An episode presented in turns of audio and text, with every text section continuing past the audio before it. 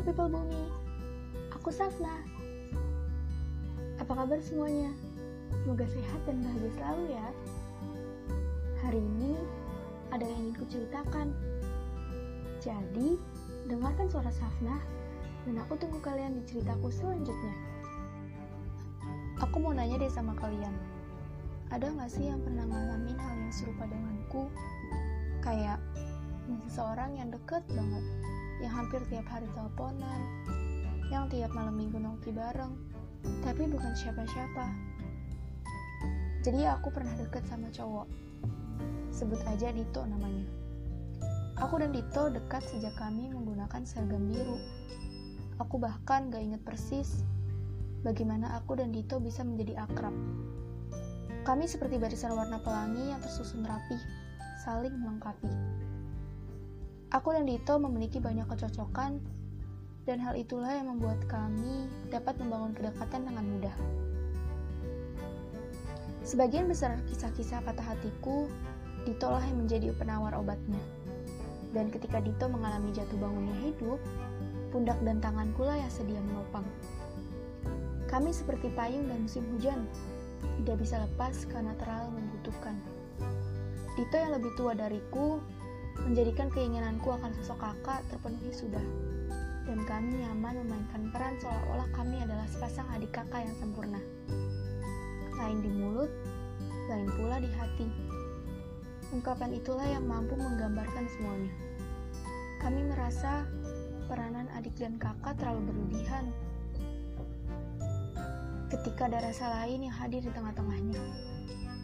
Dito menyukaiku dan aku menginginkannya. Kami mencoba semakin dekat dengan cara yang baru, meninggalkan kesan lama yang dulu ditekuni.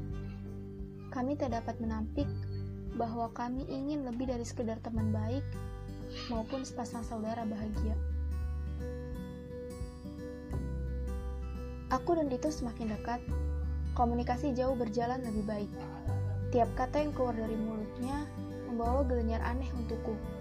Tapi nyatanya, rasa yang kami anggap mampu membawa ke dalam hubungan yang lebih serius malah menjebak. Kami terlalu nyaman tanpa adanya status, hingga untuk mengucap janji terlalu ragu. Banyak yang berkeliaran dan melumpuhkan keyakinanku atas rasa ini. Apakah rasanya akan tetap sama? Apa yang terjadi nanti jika ternyata semuanya tak sesuai harapan? Dan ternyata dan pertanyaan terbesarku adalah apa memang ini yang kuinginkan? Aku seperti meragukan rasa yang dia yakini memang untukku. Aku takut bahwa perasaan tak ingin kehilangannya adalah bentuk kenyamananku sebagai sosok adik untuknya. Aku masih belum benar-benar yakin kami mampu menjadi sepasang kekasih. Karena setelah setahun Dito menyatakan perasaannya, hubungan kami tak pernah ada perubahan. Dia tetap memperlakukanku sebagai adik kecilnya yang cengeng, dan aku masih melihatnya sebagai sosok kakak yang hebat. Meski kami dekat, meski kata orang-orang kami cocok, meski kata teman-teman kami memiliki fondasi yang kuat untuk membangun hubungan, tapi aku sendiri dan Dito bahkan tak mampu menjawab saat ditanya, kenapa nggak pacaran aja? Padahal kalau diingat-ingat, dulu kami pernah bermimpi tentang itu. Namun untuk mewujudkannya, terasa tidak mungkin.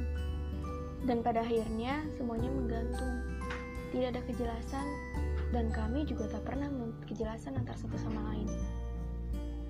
Meski Dito memperlakukanku dengan amat sangat baik, Dito yang senantiasa berperan layaknya pangeran berkuda putih untukku, bahkan aku tak bisa menyangkal bahwa cara Dito memperlakukanku mampu menerbangkanku ke langit tertinggi. Tapi sepertinya lebih baik kami tetap seperti ini.